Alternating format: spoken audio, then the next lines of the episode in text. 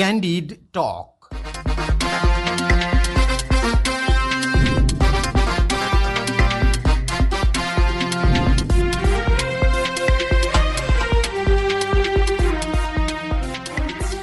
नमस्कार क्यान्डी टकमा तपाईँलाई स्वागत छ। म धीरज बस्नेत। रेडियो क्यान्डिडको प्रस्तुति कार्यक्रम क्यान्डी टक तपाईँले शनिबार बाहेक हरेक दिन बिहान साढे छ बजेबाट सात बजेसम्म आधा घण्टा सुन्दै आइरहनु भएको छ। समसामयिक विषयमा कुराकानी हुने यो कार्यक्रम तपाईँले काठमाडौँ उपत्यका र आसपासका जिल्लामा बयानब्बे दशमलव सात मेगाहर्जमा रेडियो क्यान्डिडको आधिकारिक फेसबुक पेजमा हाम्रो पात्रोमा रेडियो क्यान्डिडको एप्स डाउनलोड गरेर र पोडकास्टमा समेत सुन्न सक्नुहुन्छ। नेकपा माओवादी केन्द्रले आठ वर्षपछि यही पुस एघार गतेदेखि तेह्र गतेसम्म राष्ट्रिय सम्मेलन गर्दैछ। काठमाडौँमा हुने सम्मेलनमा माओवादीले शान्ति प्रक्रियापछि लिएको कार्यदिशाबारे गम्भीर समीक्षा गर्ने भएको छ। शान्ति प्रक्रियामा आइसकेपछि सङ्घीय लोकतान्त्रिक संविधान निर्माणलाई मुख्य उपलब्धिका रूपमा व्याख्या गर्दै आएको माओवादीले त्यसपछि सरकार र पार्टी सञ्चालनमा भएका त्रुटिबारे पनि समीक्षा गर्ने भएको छ। दुई हजार बाहन्न फागुन एकदेखि सशस्त्र सङ्घर्ष गरेको माओवादी दुई हजार त्रिसठीमा शान्ति प्रक्रिया मार्फत मूलधारको राजनीतिमा सहभागी भएको थियो। त्यसपछि संसदीय निर्वाचन हुँदै सत्ता राजनीतिमा लागेको माओवादी दुई हजार चौसठी चैत अठाइसमा भएको संविधान सभाको पहिलो निर्वाचनमा पहिलो पार्टी बनेको थियो। करिब बहुमत नजिक रहेको माओवादी अहिले तेस्रो स्थानमा खुम्चिएको छ। यो अवस्थामा पार्टी कसरी पुग्यो भन्ने बारे राष्ट्रिय सम्मेलनमा समीक्षा हुने भएको छ। माओवादीले नेता कार्यकर्ताको कार्यशैलीका विषयमा पनि गम्भीर बहस गर्ने भएको छ। त्यसो त यसअघि पनि जनताको स्तरसँग माओवादी नेता कार्यकर्ताको जीवनशैली मेल नखाएकाले सच्याउने बताएको थियो तर त्यसमा सुधार गर्न सकेको छैन। के यसपटकको राष्ट्रिय सम्मेलनले कुनै त्यस्तो ठोस निर्णय गर्नेवाला छ? यो सम्मेलनले माओवादीको नीति र कार्यक्रममा के बदलाव आउँछ? के यसपटक माओवादीले प्रदेशहरूमा चुनाव मार्फत नेतृत्व छनौट गरे जस्तै केन्द्रमा पनि पदाधिकारी छान्न चुनाव हुने सम्भावना छ। यी र यस्तै प्रश्नको जवाफ आज हामी माओवादी स्थायी कमिटी सदस्य तथा माओवादी संसदीय दलका प्रमुख सचेतक देव गुरुङसँग माग्दैछौ। उहाँसँग हामी एमाले जारी राखेको संसदको अवरोध खोल्न माओवादीले के पहल गरिरहेको छ? गठबन्धन चुनावमा पनि कायम रहन्छ कि एक्ला मैदानमा उत्रिने हो? यी प्रश्नको जवाफ पनि माग्नेछौँ। कुराकानीका लागि उहाँ प्रत्यक्ष टेलिफोन सम्पर्कमा हुनुहुन्छ। गुरुङज्यू तपाईँलाई स्वागत छ क्यान्डी टकमा सबैभन्दा पहिला चाहिँ राष्ट्रिय सम्मेलनको तयारी सकियो क्यारे? यो सम्मेलनले माओवादीले नयाँ नीति मात्रै लिन्छ कि केन्द्रीय पदाधिकारी पनि नयाँ छान्छ? पदाधिकारी बनेको अवस्थामा बनाउने निर्णय भयो भने पदाधिकारी केन्द्रीय समितिले बनाउने हो चाहिँ सम्मेलनले पदाधिकारी बनाउने विषय परेन चाहिँ विधानमा प्रस्ताव गरेको छैन र विगत कालको प्र्याक्टिस पनि त्यस्तो छैन चाहिँ। त्यस कारणले गर्दाखेरि केन्द्रीय समितिमा थप पदाधिकारी बनाउनु पर्ने भयो भने चाहिँ त्यो पदाधिकारी चाहिँ केन्द्रीय समितिले बनाउँछ आफ्नो बैठक बसेर बनाउँछ। तर जस्तो नि अब यस पटक पनि खासमा माओवादीभित्र यो पटक पहिलो पटक खास गरी निर्वाचनबाट नेतृत्व चयन हुन सुरु गरेको छ। चाहे बागमती प्रदेशमा होस् चाहे प्रदेश एकमा होस् त्यसको असर चाहिँ केन्द्रमा देखिन सक्छ कि सक्दैन। त्यो त केन्द्रीय समितिले चाहिँ निर्णय गर्ने कुरा हो र चाहिँ प्रदेशको पनि तपाईँको सम्मेलनले गरेको विषय होइन। प्रदेशको कमिटीले चाहिँ बैठक बसेर गरेको निर्णय हो। कमिटीको बैठक बस्दाखेरि सहमति भएको ठाउँमा सहमतिले निर्णय गर्छ सहमति नभएको ठाउँमा चाहिँ सबैको राय अभिमतको आधारमा मेजोरिटीले निर्णय गर्ने विषय धेरैले माओवादीमाथि लाउने गरेको आरोप चाहिँ के हो भने सर्वसहमतिका नाममा जबरजस्ती अरू कार्यकर्तालाई माथि आउन नदिने गरी पेलानमा राख्ने टिके प्रथा चाहिँ हाबी गराउने जुन खालको पद्धति छ भन्ने खालको आरोप। यो त पुँजीवादी कोणबाट आएका प्रश्नहरू भए यो कम्युनिस्ट आन्दोलनसँग मेल खाने विषय परेन। होइन तपाईँहरूको विरोधी आवाज आउने बित्तिकै पुँजीवादी भनेर त्यसरी पन्छिन मिल्छ र लोकतान्त्रिक मुलुकमा चुनावको अभ्यास गर्नुपर्छ भन्ने कुरालाई तपाईँहरूले पुँजीवादी पार्टीहरूले पुँजीवादी पार्टीहरूले गरेको अभ्यासलाई कम्युनिस्टहरूले पनि गर्नुपर्छ भन्ने बाध्यकारी विषय त होइन त। कम्युनिस्टहरूको फिलोसफीको चाहिँ मान्यता अनुसारको सङ्गठनमा सिद्धान्त जे छ सङ्गठनमा मूल्य मान्यता जे छ वैचारिक राजनीतिक रूपले चाहिँ श्रमिक वर्गको चाहिँ पार्टी निर्माणको प्रक्रियामा जुन खालको एउटा मूल्य मान्यता छ अन्तर्राष्ट्रिय स्ट्यान्डर्डको चाहिँ जो मूल्य मान्यता छ त्यो मान्यतालाई फलो गरेर अगाडि बढ्ने कुरा हो नि। पुँजीवादी पार्टीहरूको मान्यतालाई फलो गरेर अगाडि बढ्ने विषय हो र। होइन आफू कुन पदका लागि केका लागि योग्य छु भनेर चुनाव लड्न नपाउने हुन्छ र? कम्युनिस्ट पार्टीको बारेमा नबुझेका कम्युनिस्ट आन्दोलनको बारेमा नबुझेको वर्ग के हो विचार के हो भन्ने कुरा नबुझेका चाहिँ मान्छेहरूले पुँजीवादी वृत्तबाट उठेका प्रश्नहरूको सन्दर्भमा उठेका विषयहरू हुन्। कम्युनिस्ट आन्दोलनमा त्यसको कुनै अर्थ र औचित्य रहँदैन। मैले फेरि पनि दोहोऱ्याएर सोधेँ तपाईँले जवाब चाहिँ अघि पनि दिनुभएको थियो तर मैले त्यसलाई फेरि पनि जोडका साथ उठाएँ। यो सम्मेलनपछि माओवादी फेरि पनि दुई हजार चौसठी सालको त्यही अवस्थामा पुग्ने सम्भावनाहरू के के हुन्छन् के के आधार तय हुन सक्छ? होइन यो त अब प्रक्रिया अभियानको रूपमा चाहिँ त तपाईँको त्यो रूपले हामी लागिरहेकै छौँ। र माओवादीहरू मात्रै होइन समग्र कम्युनिस्ट सच्चा कम्युनिस्टहरू क्रान्तिकारीहरू सच्चा देशभक्तहरू सच्चा राष्ट्रवादीहरू सबैलाई चाहिँ अहिलेको चाहिँ अभियानमा चाहिँ सबैलाई बृहत्तर रूपमा एकताबद्ध गर्दै चाहिँ लैजानुपर्छ भनेर बृहत एकता अभियानको रूपमा सुरुवात चाहिँ भएको छ। त्यस कारणले गर्दाखेरि त्यो अभियानको सुरुको क्रममा चाहिँ अब छिटै चाहिँ तपाईँको चाहिँ एउटा बृहत कम्युनिस्ट पार्टी निर्माण गर्ने प्रक्रियामा हामी लागिरहेका चाहिँ छौँ। मलाई लाग्छ यो चाहिँ ढिलो चाँडो यो सफल हुनेछ भन्ने कुरामा हामी आशावादी छौँ अर्को कुरा माओवादीमाथि खास गरी नेतृत्व र नेताहरू विचलित भए भन्ने आवाज पार्टीभित्रै उठ्ने गरेको छ। यो सम्मेलनपछि ती आवाजहरू मत्थर हुने सम्भावना चाहिँ रहन्छ त त्यसो हो नि? अब यो कम्युनिस्ट आन्दोलनमा अब सबै द्वै पखाली भन्ने त हुँदैन। सबै विचार सिद्धान्तले लेस भएको छ भनेर पनि दावी गर्न त सकिँदैन। किन भन्दाखेरि वर्गीय समाजमा चाहिँ पुँजीवादी वर्गीय समाजको चाहिँ धरातलबाट पार्टी निर्माण हुने भएको हुनाले पुँजीवादी विकृति विसङ्गतिहरू व्यक्तिवादी पद प्रतिष्ठावादी पैसावादी पदको लागि जे पनि गर्ने खालका चाहिँ चिन्तन प्रवृत्तिहरू विकृति विसङ्गतिहरू आउनै सक्दैन भनेर भन्न सकिँदैन। त्यो क्रममा त्यस प्रकारका चिन्तन प्रवृत्तिहरूका विरुद्ध हामी कति सङ्घर्ष गर्न सक्यौँ कति ध्वै खाली गर्न सक्यौँ कति सुधार गर्न सक्यौँ भन्ने कुरामा चाहिँ निश्चय पनि समीक्षाको विषय बन्न सक्छ। जति गर्नुपर्ने हो त्यति गर्न नसकेको अवस्था हुनसक्छ त्यस्ता सीमाहरू चाहिँ नरहेको होइन सीमाहरू छन् नै होइन? तर अब यो सम्मेलन भेला आदि आदि प्रक्रियाबाट चाहिँ यस प्रकारका सीमाहरूलाई न्यूनीकरण गर्दै लैजाने त्यसलाई सुधार गर्दै रूपान्तरण गर्दै लैजाने प्रक्रिया भने अवश्य पनि हुन्छ। तर माओवादी शान्ति प्रक्रियामा आएदेखि आजसम्मको मितिमा हेर्दाखेरि खास गरी माओवादी नेताहरू चाहिँ मोटाउँदै गएका र पार्टी चाहिँ खिँदै गएको स्थिति बन्यो नि होइन र?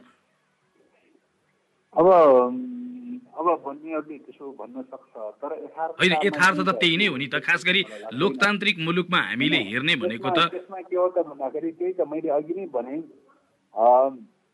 वैचारिक राजनीति उसले पुँजीवादी वर्गीय धरातलबाट पार्टी निर्माण हुने क्रममा विकृति विसङ्गतिहरू आउनै सक्दैन भनेर भन्न सकिँदैन आउन सक्छ। त्यो विकृति विसङ्गतिका विरुद्ध कति सङ्घर्ष गर्न सक्यौँ सकेनौँ भन्ने कुराको सीमा समीक्षा हुन सक्छ। होइन समीक्षा गर्दाखेरि कतिपय चाहिँ हाम्रा सीमाहरू रहन सक्छ हामीले सङ्घर्ष गर्न सकेनौँ कि? त्यो विकृति विसङ्गतिका विरुद्ध सङ्घर्ष गर्न सकेनौँ कि? होइन? सीमाहरू रह्यो कि? भन्ने कुराहरू चाहिँ अवश्य पनि समीक्षाका विषयहरू हुन्छन् छन् नै तर त्यसको तात्पर्य चाहिँ वर्ग चरित्र नै टोटली उल्टिएर चाहिँ तपाईँको पुँजीवादी के अरे प्रणालीमा गइसक्यो भनेर भन्न चाहिँ मिल्दैन। होइन? पुँजीवादी पार्टी भइसक्यो भनेर भन्न चाहिँ मिल्दैन। कतिपय नकारात्मक खालका विकृति विसङ्गतिहरू अवश्य पनि छन्। त्यसका बावजुद पनि मूलभूत रूपमा चाहिँ कम्युनिस्ट आन्दोलनको चरित्र कम्युनिस्ट आन्दोलनको विचार कम्युनिस्ट आन्दोलनको सिद्धान्त मूलभूत मान्यतालाई छोडेको छैन। मूलभूत मान्यतालाई अङ्गीकार गरेर अगाडि बढिरहेको छ। र अब कतिपय विकृति विसङ्गतिहरू त अब चाहिँ त्यो आइरहन्छन् त्यसका विरुद्ध वैधानिक सङ्घर्ष चलिरहन्छ अन्तर समस्या चलिरहन्छ र सङ्घर्ष चल्ने क्रममा त्यसलाई जति सङ्घर्ष सञ्चालन गरेर रूपान्तरण गर्नुपर्ने हो त्यो रूपान्तरण गर्ने क्रममा चाहिँ अब केही सीमाहरू चाहिँ हाम्रा रहन सक्छ। जस्तो फेरि पनि यो राष्ट्रिय सम्मेलन नजिकै गर्दाखेरि एउटा आवाज उठेको छ प्रचण्ड पथ हामीले छोडेर गल्ती गऱ्यौँ फेरि पनि प्रचण्ड पथले चाहिँ समाउनु पर्छ कि भन्ने खालका आवाजहरू उठेका छन्। यो विषयमा चाहिँ तपाईँ के भन्नुहुन्छ? अब प्रचण्ड पथको सन्दर्भमा चाहिँ तपाईँको जनयुद्धको विकासको क्रममा एउटा ढङ्गले विकास भयो एउटा ढङ्गले विचारको संश्लेषण भयो। त्यो मुख्यतया सामन्तवादको विरुद्धको मुभमेन्टको क्रममा चाहिँ एउटा डेमोक्रेटिक मुभमेन्टको चरणमा चाहिँ सामन्तवादको विरुद्धमा डेमोक्रेटिक मुभमेन्टको चरणमा एउटा विचारको विकास भएको हो। अब अहिलेको परिस्थिति भनेको तपाईँको सामन्तवाद विस्थापित भएको भए तापनि एकाधिकार दलाल पुँजीवादको प्रभुत्व कायम छ। एकाधिकार दलाल पुँजीवाद भनेको बहुराष्ट्रिय कम्पनीहरू हो। र त्यसको चाहिँ अन्तर सम्बन्ध भनेर भन्नुभयो अहिलेको ग्लोबलाइजेसनको स्थितिमा विश्व भूमण्डीकृत अवस्थामा विश्व साम्राज्यवादको प्रभुत्व हो।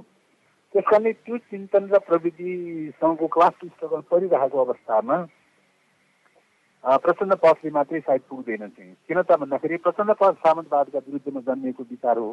एउटा डेमोक्रेटिक मुभमेन्टको चरणमा जन्मिएको विचार हो होइन? अहिलेको चाहिँ विचार भनेर भनेको तपाईँको चाहिँ विश्व एकाधिकार प्रभुत्ववादको विरुद्धमा चाहिँ तपाईँको अगाडि के अरे विरुद्धमा एउटा मुक्ति आन्दोलन राष्ट्रिय मुक्ति आन्दोलन गर्दै आत्मनिर्भर अर्थतन्त्र राष्ट्रिय औद्योगिक पुँजीवादको विकास गर्दै समाजवादी क्रान्तिको पूर्वाधार तयार गर्ने कुरा हो। त्यस कारणले गर्दाखेरि त्यो चरणको चाहिँ वर्ग सङ्घर्षको प्रकृति स्वरूप धेरै कुराहरू चेन्ज चेन्ज भइसकेको परिवर्तित भइसकेको अवस्थामा त्यो विचारमा अपग्रेड गर्नुको विकल्प छैन। तपाईँको पार्टी अध्यक्ष प्रचण्डले अपग्रेड गर्दै विकास गर्दै गर्दै लैजानुको विकल्प छैन। र सामन्तवादको विरुद्धमा चाहिँ लड्दाखेरिको चाहिँ प्रचण्ड पथले चाहिँ पुग्दैन त्यस कारणले प्रचण्ड पथ अहिले त्यही रूपमा पुनर्स्थापित गर्ने भन्ने कुरा चाहिँ हुँदैन। जस्तो तपाईँको पार्टी अध्यक्ष प्रचण्डले बेला बेला भन्ने गर्नु भएको छ कि हामी पूर्व माओवादीहरू फेरि एक हुने सम्भावनाको खोजी गरिराखेका छौँ हामी एक हुने प्रयासमा लागिराखेका छौँ भनेर बेला बेला अभिव्यक्ति दिने गर्नु भएको छ। त्यो सम्भावनाहरू चाहिँ कति छ? तपाईँहरू बिच कुनै खालको छलफल भइराखेको छ कि छैन? विचारमा समान धारणा डेभलप भयो भने त्यो सम्भव छ। विचारमा समान धारणाको लागि मैले अघि नै भने पहिलो कुरा माध्यमवादको फन्डामेन्टल प्रिन्सिपललाई स्वीकार गर्न तयारी हुनु पर्यो। दोस्रो कुरा चाहिँ तपाईँको अहिलेको परिस्थितिमा सामन्तवाद एक हदसम्म कमजोर भएर गएको छ। एकाधिकार दलाल पुँजीवादको प्रभुत्व छ। एकाधिकार दलाल पुँजीवादको प्रभुत्वको विरुद्धमा चाहिँ तपाईँको चाहिँ रिभोल्युसन गर्नलाई तयारी हुनु पर्यो। समाजवादी क्रान्तिको लागि रणनीति बनाएर अगाडि बढ्नलाई तयार गर्नु पर्यो। यो मूल चाहिँ पोलिटिकल ट्रेनमा चाहिँ समान धारणा हुनु पर्यो। तेस्रो कुरा चाहिँ तपाईँको के हो त भन्दाखेरि अहिलेको चाहिँ सङ्घर्षका स्वरूपहरू चाहिँ आवश्यकता अनुसार सबै प्रकारका सङ्घर्षका स्वरूपहरू अवलम्बन गर्न पनि तयार हुनु पर्यो शान्तिपूर्ण लगायतका सडक सदन सरकार लगायतका सबै सबै रूपहरू अवलम्बन गर्न तयारी हुनु पर्यो र यी तिनवटा कुराहरू फन्डामेन्टल कुराहरू हुन्। त्यस अतिरिक्त चाहिँ तपाईँको चाहिँ अब लिडरसिपको सन्दर्भमा त मलाई लाग्छ त्यति धेरै विवादको विषय देख्दिनँ अहिले चाहिँ एउटा विवाद गर्ने चाहिँ तपाईँको ओलीजीको क्वेसन थियो के अरे? अरू त अब यो आन्दोलनमा प्रचण्डजीको नेतृत्वमा त्यसपछिको जनयुद्ध र त्यसपछि शान्ति प्रक्रियादेखि लिएर अहिलेसम्म जो लगातार रूपले चाहिँ एउटा राष्ट्रकै एउटा अभिभावकको रूपमा नेतृत्व गर्दै आइरहेको अवस्था भए हुनाले चाहिँ कम्युनिस्ट आन्दोलनभित्र त्यति लिडरसिपको विवादको विषय रहेन। कम्युनिस्ट आन्दोलन भन्दा पनि पूर्व माओवादीहरू जो हुनुहुन्थ्यो तपाईँहरू। तिनका वैचारिक प्रश्नहरूमा त्यो मैले अघि जो भने तिनका विषयहरू प्रमुख विषयहरू हुन्। ती विषयहरूमा समान धारणा डेभलप भयो भने बृहत कम्युनिस्ट आन्दोलनको एकता हुन सक्छ। अब अर्को कुरा चुनाव नजिकिँदैछ। चुनावमा जानका लागि तपाईँहरूले पनि आफ्ना केही एजेन्डाहरू तय गर्दै हुनु हो। अब आउने चुनावमा माओवादी के एजेन्डा बोकेर जनताको घर घरमा जान्छ? ल मुलुकको राष्ट्रिय मुद्दा नै अगाडि सार्ने कुरा हो। निर्वाचन भनेर भनेको राष्ट्रिय राजनीतिक मुद्दाभन्दा पृथक खालको हुने विषय त होइन त राष्ट्रिय राजनीतिक मुद्दाको सन्दर्भमा अब विगत कालमा सोचेको कुरा संविधान निर्माण गर्ने संविधानको चाहिँ जगमा चाहिँ तपाईँको चाहिँ तपाईँको राष्ट्रिय औद्योगिक पुँजी निर्माण गरेर चाहिँ समाजवादी क्रान्तिको पूर्वाधार तयार गर्ने त्यो वेबाट त्यो कोर्सबाट अगाडि जाने भनेर भनेको हो। तर संविधानमा सहमति गरेका दलहरू मध्येमा खास गरी ओलीजीको नेतृत्वमा रहेको नेकपा एमाले यो प्रक्रियाबाट ब्याग भएको अवस्था छ। यो प्रक्रियाबाट ब्याग भएको अवस्थाको कारणले गर्दाखेरि अहिले प्राप्त गरेको संविधानकै रक्षा हुने कि नहुने भन्ने प्रश्न पैदा भएको छ अहिले प्राप्त गरेको गणतन्त्र रक्षा हुने कि नहुने सङ्घीयता धर्मनिरपेक्षता समानुपाती समावेशी फन्डामेन्टल राइटहरू लगायतको चाहिँ अहिले जे जस्ता चाहिँ पुँजीवादी अधिकारहरू प्राप्त भएका चाहिँ छन् त्यो अधिकार समेत पनि रक्षा हुने कि नहुने हो भन्ने प्रश्न छ। त्यस कारणले गर्दाखेरि फर्स्ट अफ अल त अहिले प्राप्त गरेका उपलब्धिहरू रक्षा गर्ने मुद्दाको साथै चाहिँ अहिले यो मुद्दाको रक्षा गर्न सकिएन भने तपाईँको राष्ट्रको पनि रक्षा हुँदैन देशको पनि रक्षा हुँदैन। त्यसैले देशकै रक्षा गर्ने प्रश्न राष्ट्रिय स्वाधीनताकै रक्षा गर्ने प्रश्न अहिलेको मेजर विषय बन्ने देखिन्छ त्यसो भएको हुनाले चाहिँ अहिले प्राप्त गरेको डेमोक्रेटिक राइट्सहरूको रक्षा गर्ने कुरा र राष्ट्रिय स्वाधीनताको रक्षा गर्ने कुरा नै अहिलेको प्रमुख कार्यभार हो। यही कार्यभार चाहिँ को लागि नै त्यही कार्यभार पुरा गर्ने सवालमै चाहिँ यो सबै चाहिँ आन्दोलनका स्वरूपहरूलाई अवलम्बन गर्ने कुरा हो चाहे निर्वाचन होस् चाहे शान्तिपूर्ण आन्दोलन होस् चाहे सरकार होस्। जुनसुकै प्रक्रियाहरूमा पनि चाहिँ मूलभूत यिनै कार्यभारहरू पुरा गर्ने प्रक्रियामै हामी लागि पर्ने कुरा हो। निर्वाचनमा गठबन्धन चाहिँ सँगसँगै जान्छ कि तपाईँहरू छुट्टा छुट्टै लड्ने खालको तयारी छ? अब यो त तत्कालको परिस्थितिमा निर्भर रहने विषय हो। यो राजनीतिक विषय भएको हुनाले तत्कालको परिस्थितिमा निर्भर रहने विषय हो। कति मिल्छन् कति मिल्दैनन् के हुन्छन् भन्ने कुरा। अहिले पोलिसन गभर्मेन्ट छ पोलिसन गभर्मेन्ट निर्वाचनसम्म जानुपर्छ भन्ने कुरा चलिरहेकै छ। अब निर्वाचनमा कति मिल्छन् कति मिल्दैनन् त्यही बेलाको परिस्थितिमा निर्भर रहने विषय हो। तर काङ्ग्रेसका अधिकांश कार्यकर्ताले चाहिँ यसरी कम्युनिस्टसँग गठबन्धन गरेर हामी रुख बाहेक अन्य छापमा भोट हाल्न सक्दैनौँ भनिराखेका छन्। यस्तो परिस्थितिमा त तपाईँहरूलाई अलिक गाह्रो पर्ला नि त। त्यो त उहाँहरूको निर्णय गर्ने कुरा त्यो त उहाँहरूले निर्णय गर्ने विषय हो। सबैको आफ्नो आफ्नो स्वतन्त्रता छ निर्णय गर्ने स्वतन्त्रता सबैलाई आफ्नो आफ्नो छ। कसैले कसैको दबावमा निर्णय हुने विषय परेन। स्वप्न र विचारको आधारमा समान कमन इस्युहरू रहेछन् भने कमन इस्युमा जोइन्टली अगाडि बढ्ने कुरा हो। आफ्ना आफ्ना दलहरूको स्वप्न र विचारको आधारमै निर्धारण हुने विषय हो। कसैको दल दबावमा निर्णय हुने विषय परेन। अर्को कुरा संसद करिब बन्धक स्थितिमा छ। नेकपा एमालेको अवरोधका कारणले गर्दाखेरि संसदले गति लिन सकेको छैन। संसदलाई खुलाउनका लागि तपाईँ माओवादी केन्द्रको प्रमुख सचेतकको हैसियतले पनि माओवादीको तर्फबाट के पहल भइराखेको छ? अब संसद चाहिँ सञ्चालन गर्ने भनेर भनेको सत्ता पक्ष र प्रतिपक्ष दुइटै मिलेर चलाउने हो एउटा पक्ष मात्रै सदन चल्दैन थियो। र यतिखेर नेकपा एमाले संसद पुनर्स्थापना गरेको दिनदेखि नै लगातार रूपले चाहिँ अस्ट्रेगल खडा गरिरहेको अवस्था छ। त्यसले गर्दाखेरि अब विधेयकहरू अधिकांश विधेयकहरू चाहिँ तपाईँको सदनमा झन्डै चाहिँ तिन चार दर्जन चाहिँ विधेयकहरू सदनमै थन्किरहेको अवस्था छ। अरू जनताका इस्युहरू कुनै सम्बोधन गर्न पाइरहेको छैन चाहिँ। सदन एक प्रकारले डेभलप भइरहेको अवस्था छ। त्यसो भएको हुनाले चाहिँ अब सदन खुलाउनका लागि चाहिँ तपाईँको यो सदनप्रति यो संविधानप्रति जिम्मेवार बन्नुपर्ने आवश्यकता हो। संविधानले अङ्गीकार गरेका मार्गचित्रहरूलाई अवलम्बन गर्नुपर्ने कुरा हो। तर विडम्बनाको विषय भनौँ उहाँहरूले चाहिँ एकातर्फ संविधान मान्छु भनेर भन्नुभयो। तर अर्कोतर्फ यस्तो खालको एजेन्डाहरू उठाउनु भयो यस्तो खालका मुद्दा चाहिँ जो उठाउनु भएको छ यस्तो खालको डिमान्ड उठाउनु भएको छ जो सदनले निर्णय गर्न सक्ने विषय नै छैन। अदालतमा रहेका विषयहरूको बारेमा सदनले निर्णय गर्न त सक्दैन। छलफलै गर्न नपाउने खालको व्यवस्था छ भने निर्णय त गर्न मिल्ने कुरै भएन थियो अदालतको क्षेत्र अधिकारभित्र अदालतमै सोल्युसन खोज्ने हो। कार्यपालिकाको क्षेत्र अधिकारभित्रको मामला कार्यपालिकामा सोल्युसन खोज्ने हो। तर एउटा कुरा विषयको बारेमा व्यवस्थापिका भित्रको क्षेत्र अधिकारको विषयमा व्यवस्थापिकाले सोल्युसन खोज्ने कुरा हो। अर्को निकायको चाहिँ तपाईँको क्षेत्र अधिकारको विषयलाई लिएर अर्को चाहिँ व्यवस्थापिकामा उठाएर कसरी समाधान हुन्छ? तर एउटा कुरा नि गुरुङज्यू खास गरी सभामुखले विषय उठाएर जो डेभलप गरेर रहनु भएको छ त्यसले गर्दाखेरि चाहिँ तपाईँ सदनमा त सोल्युसनै छैन त्यहाँ अब चाहिँ खास गरी सभामुखले अलिकति एमाले माथि अन्याय चाहिँ गर्नु भएको हो कि होइन जस्तो लाग्छ अन्याय गरेको रहेछ भने अदालतले पुनरालोकन गर्छ नि त पुनर्मूल्याङ्कन गर्छ नि त त्यो त प्रक्रिया छ नि विधि छ नि। त्यो प्रक्रिया किन फलो गर्नुहुन्न? होइन? प्रक्रिया सभामुखले चाहिँ मिच्नु भएको होइन र भने कारवाही गरेको पत्र दिइसकेपछि चुप लागेर बस्दिन मिल्छ त?